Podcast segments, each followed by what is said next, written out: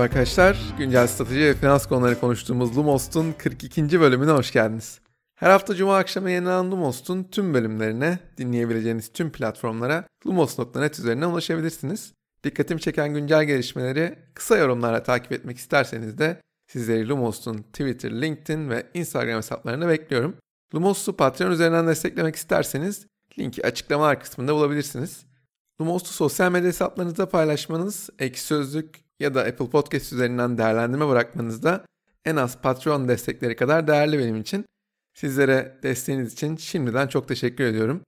Lumos'un 42. bölümünde konuğum benim için çok ama çok değerli bir isim. Cüneyt Demirgüreş. Şişen bilançolar, dünya ekonomisi, Amerika ekonomisi, Türkiye ekonomisi derken zamanın nasıl geçtiğini anlamadığım bir sohbet oldu. Umarım sizin için de aynı derecede keyifli bir bölüm olur. Sözü daha fazla uzatmadan hadi başlayalım.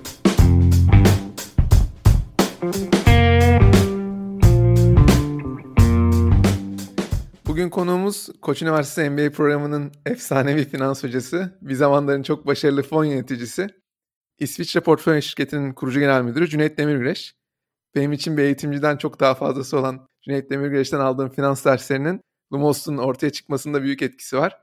En karmaşık finans konseptlerini bile olabilecek en anlaşılır şekilde anlatan, bütünsel bakmamız konusunda bize her türlü aracı sağlayan ama çok başarılı bir öğretmen.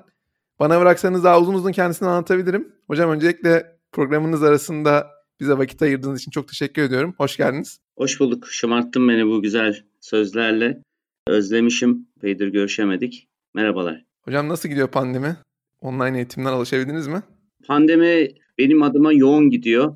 Ee, eğitimler online'a geçti. Sürekli olarak eğitim vermeye hem şirket eğitimleri hem okul eğitimleri açıkçası az, çok az yer alan sektörlerden bir tanesiyiz.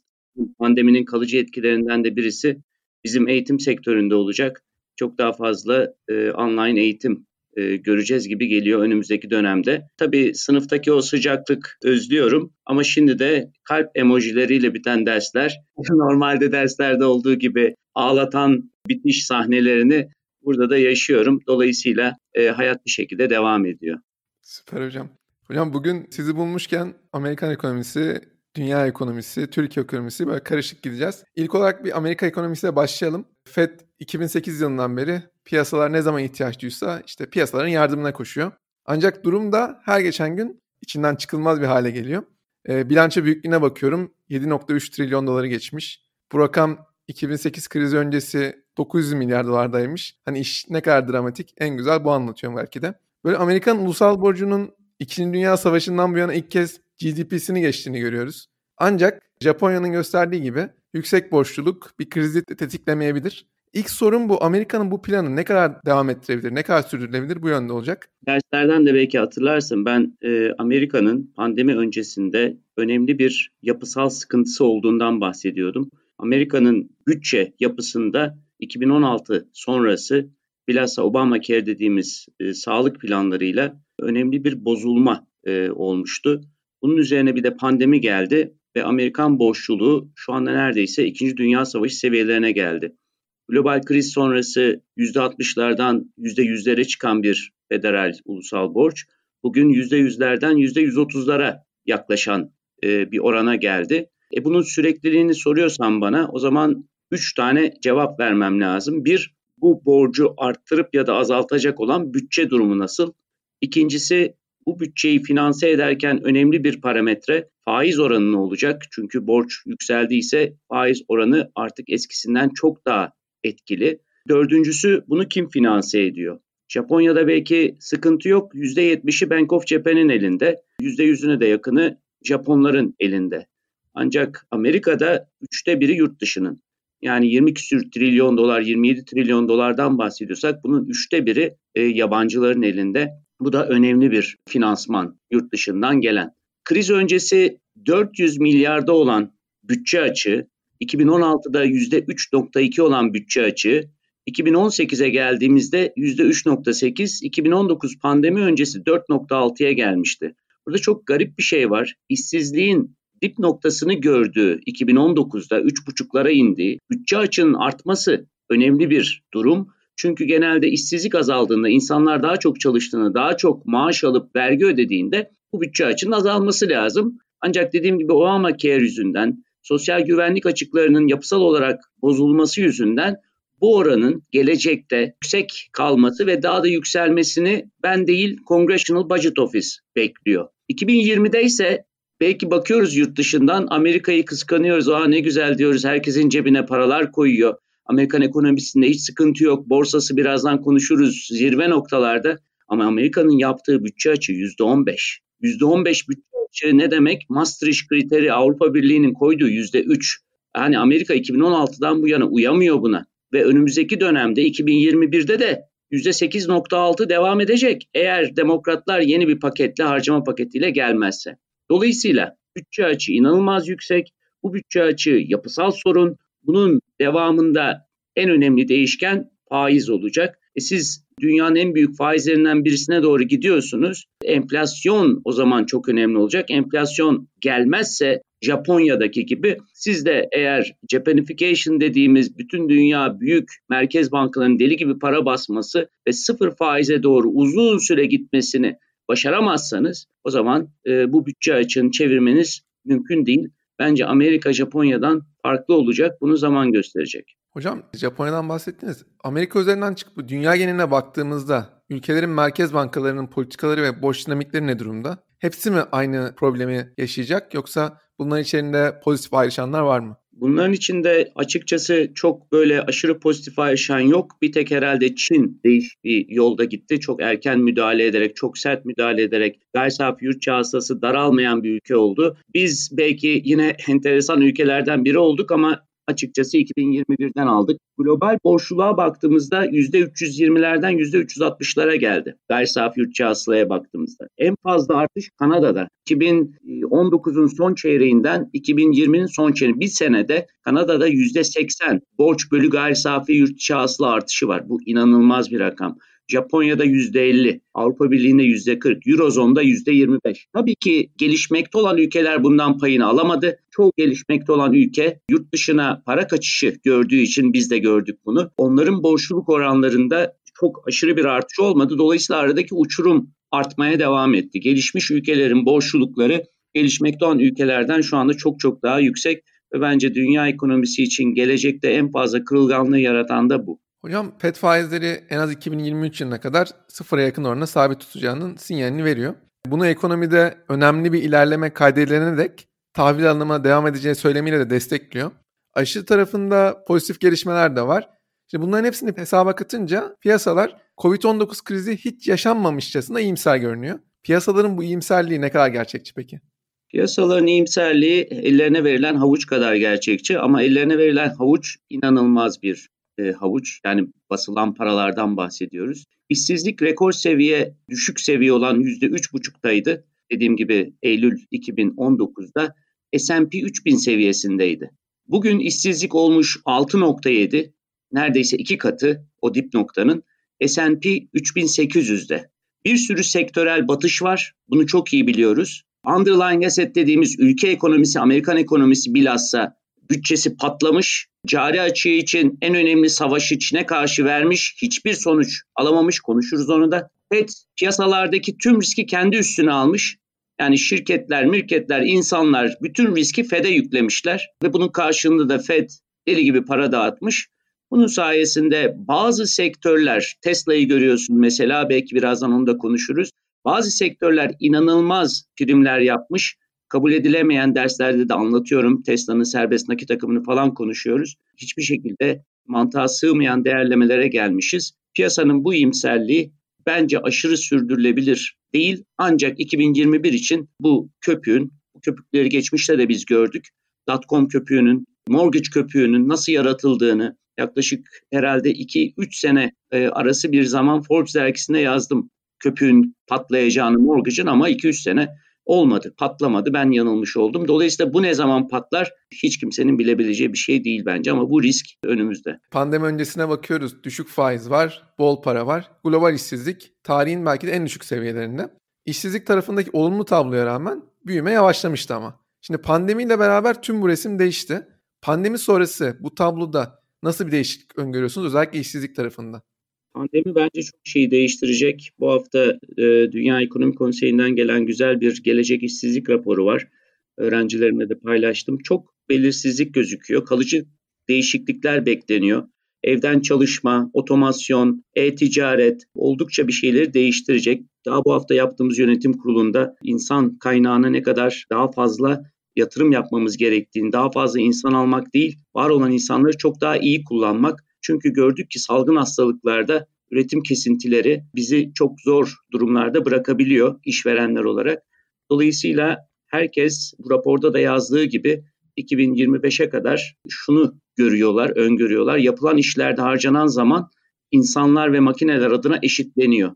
Yani ilk defa makineler insanların yaptığı efora eşit seviyeye geliyor. 85 milyon iş kaybı bekleniyor var olan işlerde. Buna karşılık yeni açılan iş sahalarından, big datasından otomasyonuna, cloud computing'e kadar bir sürü alanda 97 milyon yeni iş yaratımı. Yani bu büyük bir değişim. Bu büyük bir değişim tabii büyük bir eğitim gerekecek.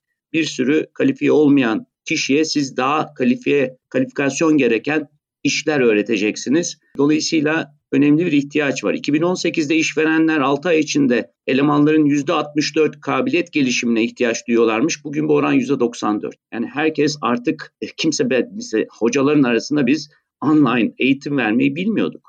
E, belki zorla e, denemeler yapıyorduk. Şimdi hepimiz e, Zoom'dan veya diğer platformlardan eğitim verir hale geldik. Bizler gibi bir sürü başka insanın da bu e, ve benzer e, değişikliklere e, katlanması gerekecek ya da bir, bunları bir fırsata dönüştürmesi gerekecek. Ancak söylenen şu, maalesef herkes aynı eğitimi alamayacağından, mesela bu dönemde online eğitimde 4 kat artış var. Ancak herkesin o eğitime ulaşması mümkün değil. Bu nedenle eşitsizliklerin yani gelir dağılımındaki eşitsizliklerin maalesef artması bekleniyor. Doğru, doğru. Hocam 2000 yılında bakıyoruz 83.8 milyar dolar iken Amerika'nın Çin'e karşı ticaret açığı 2019 yılında bu rakam 350 milyar dolara kadar çıkmış. Şimdi Amerika Çin'e 106 milyar dolar değerinde ihracat gerçekleştirirken Çin'den 453 milyar dolar değerinde ithalat yapmış. Şimdi Trump döneminde bu ticaret açığı merkezli iki ülke arasında sürekli bir gerilim yaşandığını görmüştük. Uzun vadede bakınca iki ülke arasındaki gerilimin sonuçlarının nasıl olmasını bekliyorsunuz? Biden döneminde bir şeyler değişir mi? Trump tabii bu gerilimi aşırı milliyetçi oylara da hitap edebilmek için yaptığı hep buydu popülizm. Ee, biraz abarttı. Ancak bir sıkıntı var. Bu sıkıntı 2000'lerin başında başladı. Çin'in Dünya Ticaret Örgütü'ne girdiği dönemden sonra aslında çok güzel derslerde kullandığım 3 tane birbirini takip eden grafik var. Bunların birincisi 2000 başında hangi ülke daha çok Çin ya da Amerika'dan ithalat yapıyor?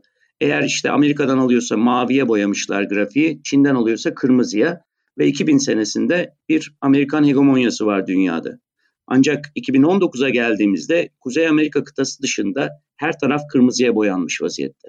Yani dünya müthiş bir şekilde Çin'e tedarik açısından bağımlı oldu. Bunun da önemini aslında 2020 Mart'ında gördük. Bir anda herkes acaba tedarik zincirleri ne olacak dedi. Acaba başka yerlere mi bunu aktarsak dedi. Amerika zaten bu olaydan bağımsız Çin'den Vietnam'ına, diğer Asya ülkelerine, Avrupa'ya ve belki Türkiye'nin de adı geçti buralarda bu zinciri kaydırmak gerekliliğini konuştu. Tek yere bağımlılığın riskini azaltmak gerekiyor. Aslında bu tüm dünya için gerekiyor. Buna hepimiz hem fikiriz. Ancak bunu değiştirmeye çalıştığınızda son 20 senede Çin'in dünyaya sağladığı önemli bir dezenflasyon var. Bu dezenflasyon sayesinde dünya düşük faizlerle baş edebildi. Arada da köpükler hep oluştu. Hep söylerim 2008 krizinin müsebbibi Çin'in bu dezenflasyonuna zamanında tepki vermeyen Fed'dir. Faizleri uzun süre düşük tutarak e, mortgage köpüğünü yaratmıştı. Dolayısıyla bunu değiştirmeye çalışmak e, ölçek ekonomilerini bozacak ve mutlaka bir enflasyon getirecek. Bence dünya bu enflasyonu kaldırmaya bu borçluluklarla hazır değil. Çok öyle kolay da değil. Bence Biden e, Trump kadar bu konunun üzerine hasmane bir şekilde gitmeyecek. Bunu daha fazla zamana yaymak isteyecek diye düşünüyorum. Hocam az önce köpükten bahsettik. Bu pandemi sonrası 2020 yılında gerçekleşen IPO'lara bakınca Airbnb'dir, Snowflake'tir, DoorDash'tir bunların hepsi yatırımcılarına inanılmaz kazandırdılar. Zoom, Tesla'dan bahsettik. bu şirketlerin de finansal çarpanlarla açıklamanın çok zor olduğu fiyatlamalara sahip olduğunu görüyoruz. Şimdi bunun yeni bir finansal balon olduğunu sizin söylediklerinizden anlayabiliyorum ama ne zaman patlayacağını tahmin etmek çok güç. Bunun bu kadar noktaya gitmesinde en büyük sorumluluğun kim olduğunu düşünüyorsunuz? Burada e, atılabilecek bir adım var mıdır? Yani bu balonu tekrar indirebilme şansımız var mı? Bu balonu e, müsebbibi her şeyi bilhassa batılı ülkelerde merkez bankaların üzerine atan pandemi öncesinden bahsediyorum. Politikacıların suçudur birincisi. İkincisi Fed'in ve diğer merkez bankalarının inanılmaz bir şekilde insanlarda hiç kötülük olmaz bundan sonra nasıl olsa yukarıdan helikopterle para atılıyor. Dolayısıyla biz mümkün olduğu kadar risk alalım dediği bir dönemden geçiyoruz. Geçmişte sektörel bazda Türkiye'de de biz rekabet kurullarının çok etkili olduğunu gördük. Ancak şu anda dünyayı neredeyse tekeline almış bazı şirketlerden bahsediyoruz oluşumundan. Fakat önemli bir regülasyon görmüyoruz. Şöyle bir köpükle ilgili finansal balon olduğunu söyleyebilir miyiz sorunun temeli. Aslında evet çok rahat söyleriz. Bu sadece Schiller fiyat kazancının 35'lere çıkmış olması değil. Bu daha önce 2000 köpüğünde de olmuştu. Benim daha güzel bir endikatörüm var. O zararda oluşan şirketlerden oluşan halka arzlar. Yani halka arz yaptığımızda ya zararla geliyor şirket çok yeni kurulmuşsa ya da oturmuş büyümüş güzel bir karla cash cow olmuş dediğimiz dönemde geliyor. 2000 köpüğünde bu oran %80'di. Normalde öncesinde 2000 öncesinde %20 %30'larda olan bir orandan bahsediyorum. Yani halka arz edilen şirketlerin küçük bir kısmı zararla geliyordu. Ne demek zararla gelen şirketi almak? Geleceğiyle ilgili çok umudunuz olması demek. Mesela Tesla senelerce insanlar zararı kabullendi. 2009'da kriz sonrası bu %30'a kadar düşmüştü. Bugün yine 2000 köpüğündeki %80 seviyesine geldik. Dolayısıyla borsalarda müthiş bir iyimserlik var. Diğer taraftan bence asıl köpük finansal köpük deyince borsaları düşünüyoruz. Bence daha fazla köpüğün olduğu yer kredi piyasası. Yani bono piyasaları. Şirketler şu anda A, AAA, AA ratinglerinin altındaki şirketlerin son 10 senede yaklaşık 2 trilyon dolarlık bir e, borç artışı var. Geçmişte ağırlıklı olarak en üst seviye derecelendirilmiş şirketler borç alabilirken şimdi daha düşük seviyelerin çok yüksek miktarlarda borç aldığını görüyoruz. Bankalar verilen parayı birilerine plasa edebilme derdiyle çünkü bankaya FED'e geri park ettiğinizde ya da ECB'ye geri park ettiğinizde artık ceza alıyorlar. Sizin daha fazla risk almanız gerekiyor.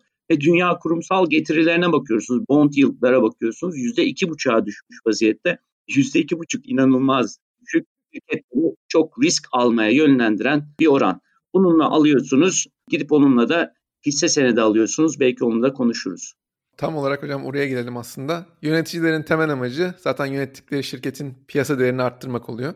Özellikle Amerika'daki şirketlere baktığımız zaman CEO'lar prim alacaksa bu şirketin borsada gösterdiği performansa endeksli oluyor çoğu zaman. Bu da ister istemez işte yöneticilere bakıyoruz hisse değerini arttırmak için hisse geri alım programları yapıyorlar.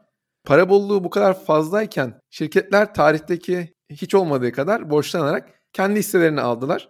İşte bu da çok kötü bir sarmanın ortaya çıkmasını sağladı ama bir noktada bunun da kırılması gerekiyor. E, bunun bir çözümü var mıdır?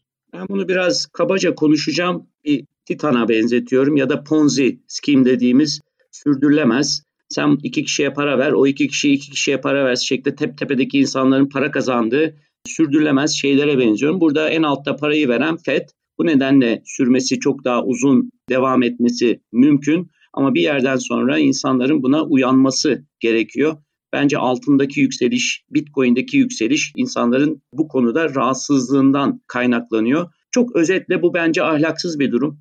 Ee, şöyle ki Fed para basıyor. Bastığı parayı şirketler borç olarak alıyor. Bu borcu almaya karar veren CEO ve e, yönetim kurulu genelde hisse senedi fiyatıyla dediğin gibi prim alan şirketler öyle küçük küçük de değil. Larry mesela Oracle'ın bahsetmişimdir derslerde 60-70 milyon dolar seneler önce aldığı prim e, hisse opsiyonu şeklinde. E siz aldığınız bankadan aldığınız borçla gidip şirketin hisselerini alıyorsunuz. Bu arada Amerika'da bu olaylar gayet açık da şeffaf da açıklanıyor. Hisse satanlar arasında yine almaya, banka borcuyla şirketin hisselerini almaya karar veren insiderlar var. Kimi CEO'lar da bunlardan biri. 2019'da daha krizden önce, pandemi krizinden önce şirketlerden CEO istifaları zirve noktaya çıkmıştı. Ekonomide hiç kötü bir şey yokken. Dolayısıyla çok fazla küfeyi doldurdukları için CEO'lar daha fazla niye risk alayım? E, pimini çektiğim bu bomba başkanın elinde patlasın mantığıyla ayrılmaya başlamışlardı. Bir sürü şirkette borç artışının FAVÖK artışıyla beslenmediğini görüyoruz.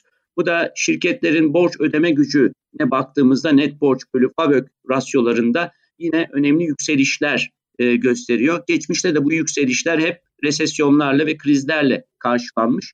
Bunun sürmesi mümkün değil. Ancak bu e, tarz sarmalların ne, ne zaman bozulacağı, çomağa sokanın ne olacağı hiçbir zaman belli olmuyor açıkçası.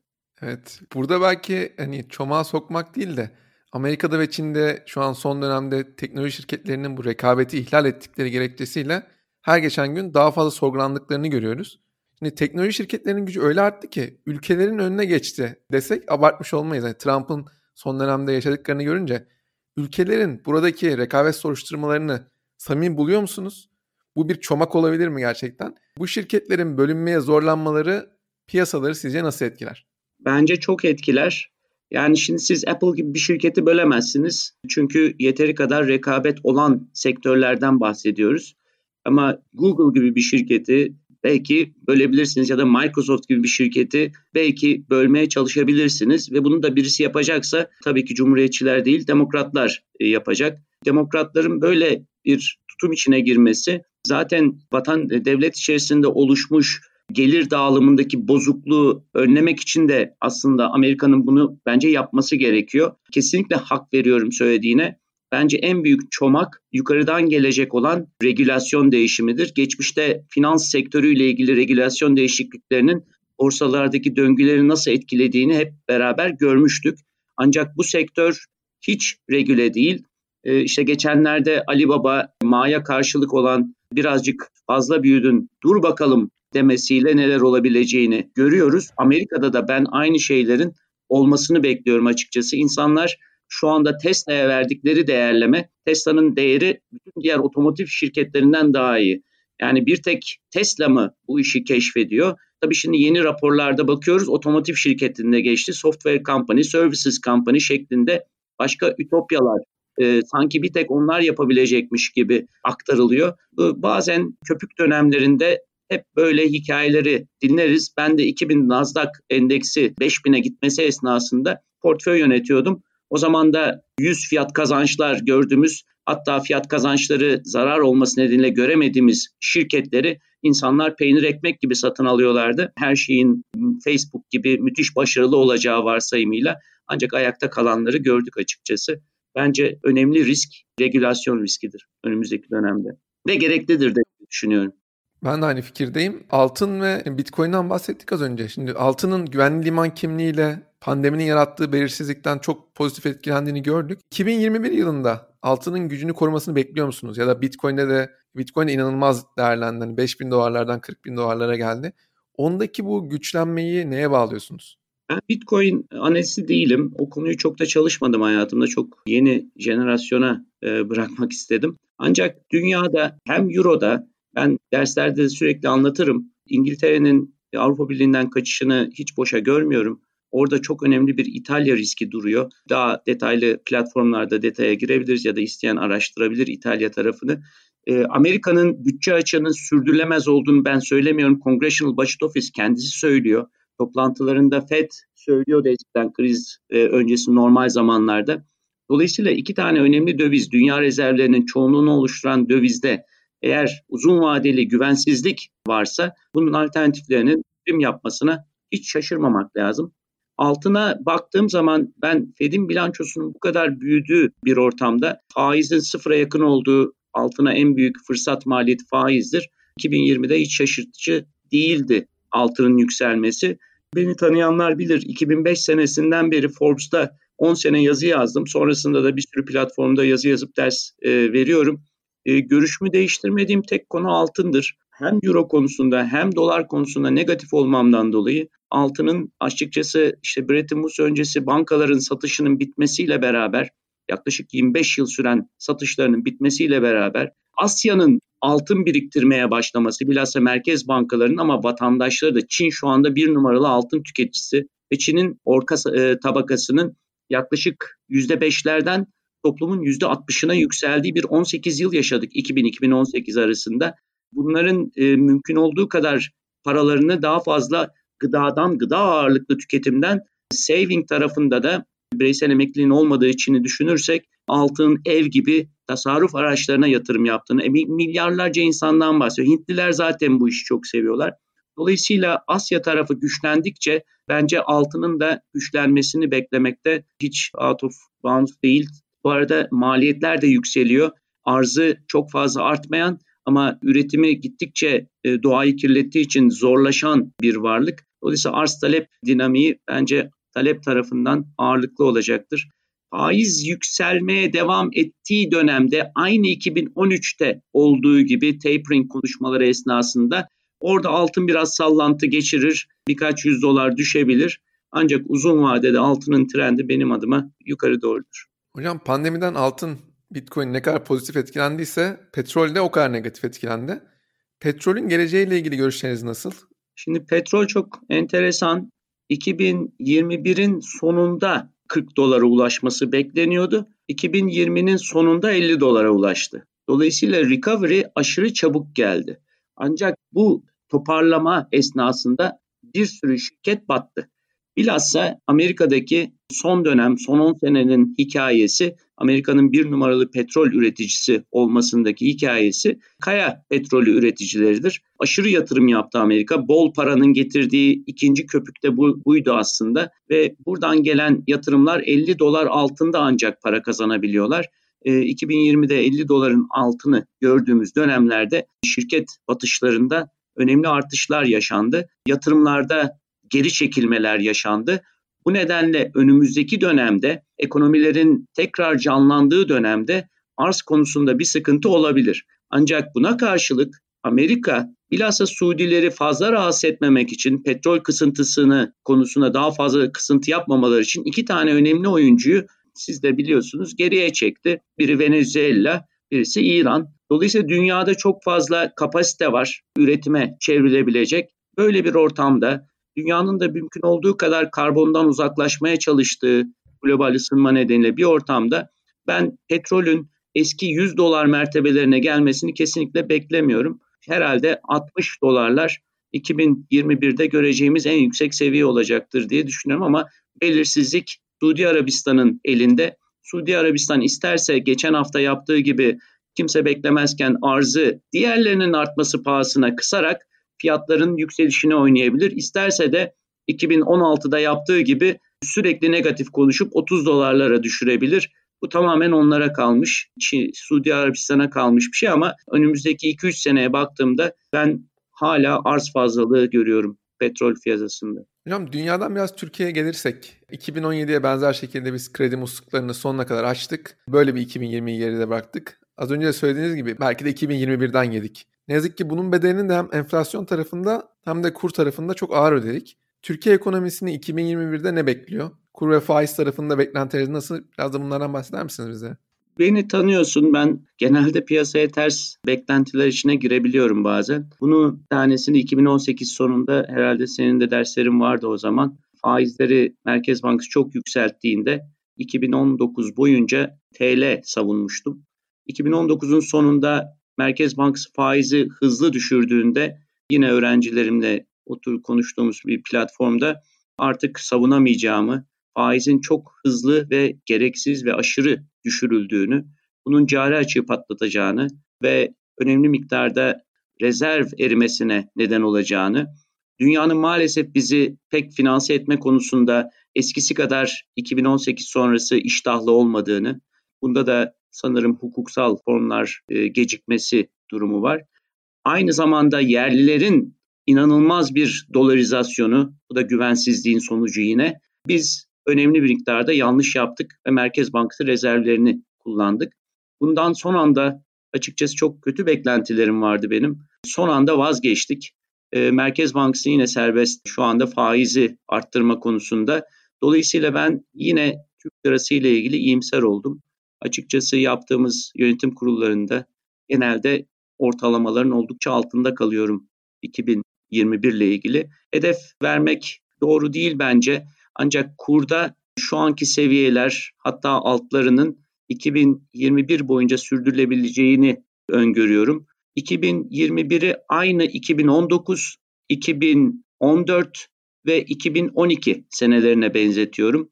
Yüklü devalüasyon senelerinden sonraki sakin TL senesine benzetiyorum. Bundaki en önemli nedenim ekonomiyle ilgili aşırı iyimser olmam değil. Aslında tam tersi ekonomiyle ilgili çok iyimser değilim. Bununla ilgili nedenim de faizi yükselttik ve yükseltmek zorundayız. Çünkü enflasyonla müthiş bir güvensizlik yarattık. Bir inertia dediğimiz bir momentum yarattık. Bunu önüne geçebilmek artık çok mecburi. Ve bu mecburiyetten dolayı 2021 boyunca bence faiz yüksek kalacak, kur düşük kalacak. Yüksek faiz ekonomiyi yavaşlatacak. Biz geçen sene olmayan bir refah tükettik açıkçası. Çok düşük faiz oranlarında. Bu da önümüzdeki dönem için bir risk getiriyor. E, bu riskin e, adı da kredi riski. Nasıl 2018 e, ve 2019'da bankalarda acaba ne kadar batık kredi yazıyorlar diye sorguladık. Önümüzdeki dönemde de yine bekleyeceğiz. E, piyasalar dönecek mi, dönmeyecek mi diye şu andaki önümüzdeki en büyük belirsizlik bu açıkçası. Yavaş bir büyüme, toparlama senesi, yurt dışına ihracatımız ve en önemlisi de en büyük belirsizlik de turizm konusunda ne kadar iyileşebilirsek o kadar işsizliğimizi düşük tutabileceğimiz bir sene ama dediğim gibi aşırı iyimser olamıyorum. Peki uzun vadeli beklentisi nasıl? 2021'den sonra yapısal reformlardan bahsediyoruz ya. Bunu yapmadan e, bunun sürdürülebilir olması mümkün mü? Şunu görüyorum. Yani yaptığım bütün toplantılarda da bunu görüyorum. Ben bunu söylüyorum ama bakıyorum son 5-6 haftaya yabancı önemli bir prim verirken tabii buradaki yabancıdan da kastımız daha çok akbaba yatırımcısı dediğimiz hedge fonlar daha çok kalıcı para lazım bize. Yerliler milyarlarca dolar daha döviz almış vaziyetteler. Yani şu son dönemde yapılan pozitif şeyleri, serbest piyasa ekonomisine geri dönüşü yerli kesinlikle takdir etmiş değil. Yerli yerlinin güvensizliğini bir şekilde çözmeden ekonominin önümüzdeki dönemde hızlı bir büyüme atağına kalkması mümkün değil çünkü kaynak yok. Yerli güvenmiyorsa yabancı niye size güvensin kalıcı yabancı? Dolayısıyla yerliyi güvendirmeniz lazım. E, yerliyi nasıl güvendireceksiniz? E, yaptığınız yanlışlardan mutlaka mutlaka geri dönmeniz gerekiyor.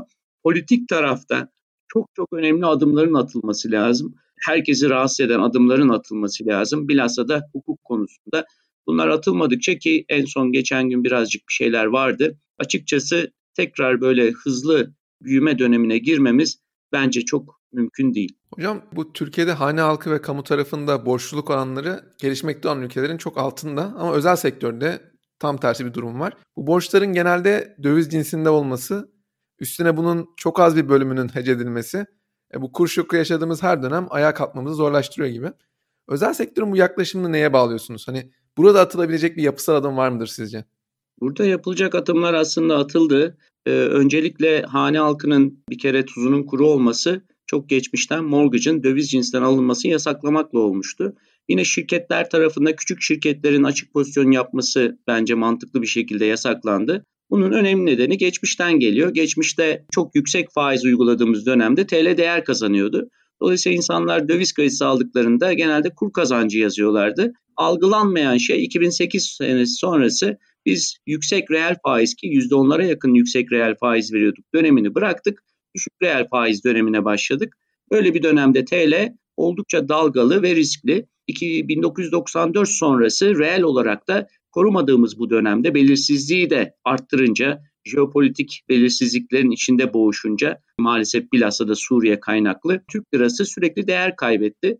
Biz bu değer kaybını a rekabetçi oluyoruz diye bazı politikacılar savundular. Ancak gördük ki ihracatımızda hiçbir kıpırdama yok. Dolayısıyla rekabetçi kur söyleminden bence vazgeçip güven duyduğumuz, istikrar duyduğumuz bir ortama Türkiye'yi dönüştürüp daha istikrarlı faiz oranları, düşük enflasyon ve düşük faiz yaratmamız lazım ki şirketler büyüyebilsinler. Ee, özel sektörün aslında güzel bir şey oldu. Bu yine gözden kaçıyor. Dünya deli gibi borç arttırırken Türk özel sektörü 2018'de 220 milyar dolarlar mertebesine ulaşmış açık pozisyonunu Bence hiçbir sıkıntı olmasaydı bugün rahat rahat 300 milyar dolarlara çıkartırdı.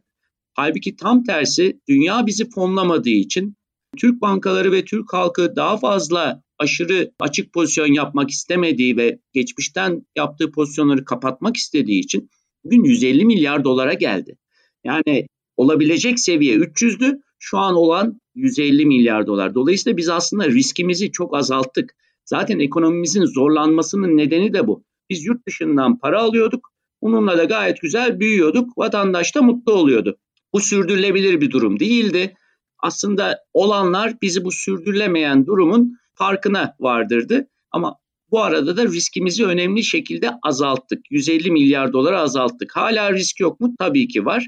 Ama bir Avrupa Birliği'ne yakın bir ülke olarak jeopolitik durumumuzu da düşündüğümde bence şu anda Türkiye'nin borçluluğu aslında toplam borçluluğa baktığınızda Türkiye çok az borçlu bir ülke. Bizim sıkıntımız bu borcun döviz cinsinden olması. Hazinenin de borçları artık %50'den fazla döviz cinsinden. Bu nedenle e, önümüzdeki dönemde döviz konusunda, ülke yönetimi konusunda artık çok daha dikkatli olmamız gerekiyor. Hocam Türkiye'de M&A'ler için ortam uygun bir hale geldi mi sizce? Böyle global şirketlerin Türk şirketlerine ilgi göstereceğini düşünüyor musunuz 2021 yılında? Yani bu borçluluk oranlarıyla daha uygun fiyatlara gelmiş durumdalar değerlemelere baktığımız zaman.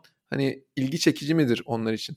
Valla en güzel örnek şu anda Volkswagen önümüzde. Volkswagen Türkiye'de şirketinin durmuş planlarını anlatmışken bile vazgeçti ve geçen hafta yanlış hatırlamıyorsam şirket kapandı. Başka şirketlerin de Türkiye'ye yapacağı yatırımları durdurduklarını, ertelediklerini veya çıkmak istediklerini var olan bazı şirketlerin duyuyoruz, biliyoruz. Hukuk dediğimiz konu her tarafta önemli. Sadece yurt dışındaki vatandaşın güveniyle ilgili değil, asıl yurt dışındaki müteşebbisin Türkiye'ye gelmesiyle ilgili çok mutsuzluklardan sonra siz tekrar yabancıyı çekmek istiyorsanız piyasa kurallarına riayet etmemiz gerekiyor. Bunları e, geçmiş senede çok fazla değiştirdik. Swap konusundan aktif rasyosuna kadar bir sürü konuda değiştirdik. Bizim tarafta Türkiye için sizce bir ideal büyüme oranı var mıdır? Türkiye ne zaman böyle kredi oranlarını çok arttırıp böyle %8'ler %10'lar büyüme hedefleri koyduğuna kendine ertesi sene büyük krizler yaşıyor. Hani sizce biz neyi hedeflemeliyiz büyüme oranı olarak? Büyüme oranı olarak e, artık eskiden hep %5 diyorduk ama Türkiye şu anda %5 de pek yetmeyecek. Çünkü işsizlik oranımız %25'lerde geniş işsizliğe baktığımızda. E, Türkiye'nin çok daha fazla istikrarı sağlayıp yurt dışından yatırımların Türkiye'ye gelmesini sağlayıp e, çok da katma değerli üretimler sağlayıp kendi kendimize yapabileceğimiz turizm ve tarım tarafında senelerdir beklenen reform, reform artık neyse çok daha katma değerli ve kaliteli ve daha ucuza yapabileceğimiz üretimlerin gelmesi lazım. İşsizliği azaltmamız lazım. İlk 10 turizm ülkesine bakıyorsunuz Türkiye gözükmüyor orada. Yani en kolay yapabileceğimiz şeylerden birinde bile çok adım atamamışız. Dolayısıyla sürdürülebilir işsizlik Türkiye gerçekten çok güzel bir noktada hem kaynaklarıyla hem insan kaynaklarıyla ama maalesef bunu bu potansiyeli son dönemde bilhassa 2016 sonrasında pek ekonomiye aktarıldığını göremedik açıkçası. Hocam yavaş yavaş podcast'in sonuna geldik. Son bir soru olsun. 2021 adına hem Türkiye üzerinde hem dünya üzerinde en büyük riskin hangi noktada olduğunu düşünüyorsunuz? Bu soruyla ben sorularımı bitiriyor olacağım. Teşekkürler. Şimdi Amerikan seçimleri ve Brexit e, belirsizlikleri bitti. Bu bence en büyük belirsizliklerdi. Önümüzdeki döneme baktığımızda en büyük belirsizlik aşı olacak. Dünyada aşı olmak istemediğini belirtenler anketlerde öyle hiç de ihmal edilecek rakam değil. Aşının başarılı olup olmayacağı belli değil. Aşının tedarik ve dağıtımında sıkıntılar var. Dolayısıyla biz sanki 2020'nin son çeyreğinde Herkes aşılandı, bitti. Covid satın alımını yapıldı piyasalarda bilhassa emtia tarafında. Ancak 2021'de bu riskin devam etmesini bekliyorum. Bence para ve maliye politikaları destekleri devam edecek. Fed 120'şer milyar dolar aylık alımlar yapıyor. Bu çok yüksek bir miktar. Geçmişteki krizde 80 milyar dolardı bu 2008 tarafında. Çin ve Asya toparlanmaya öncülük edecek önümüzdeki dönemde. Bu düşük oran ortamında hisse senetleri büyük ölçüde yine revaçta olacak. Yalnız momentumdan ziyade geçmişte işte herkes hisse senedi deyince saldırdığı hisseler belli. Ee, Apple'ı, Tesla'sı bilmem nesi. Bu sefer insanlar biraz daha value değer arayacaklar, ucuz hisse arayışları olacak. E, bütün e, analistler, fon yöneticileri sorgulandığında Bank of America Merrill Lynch'in anketine göre e, ve bir sürü okuduğum rapora göre 2021'in hikayesi gelişmekte olan ülkeler. Bizim de içinde bulunduğumuz sınıf. Bu sınıfa ben önemli para gelimleri bekliyorum. Bu da benim Türkiye ile ilgili pozitif olmam olma nedenlerimden bir tanesi. Yeter ki biz o parayı Türkiye'ye çekecek pozitif adımlar e, atabilelim. Enflasyon en büyük risk ama 2021 için bu enflasyonun henüz geldiği, geleceği pek gözükmüyor. Dolayısıyla 2021 göreceli olarak daha rahat bir yıl olacak diye düşünüyorum. Hocam çok teşekkürler. Ben Süper teşekkür bir bölüm oldu. Sağ olasın. sorular için çok harika cevaplar aldık.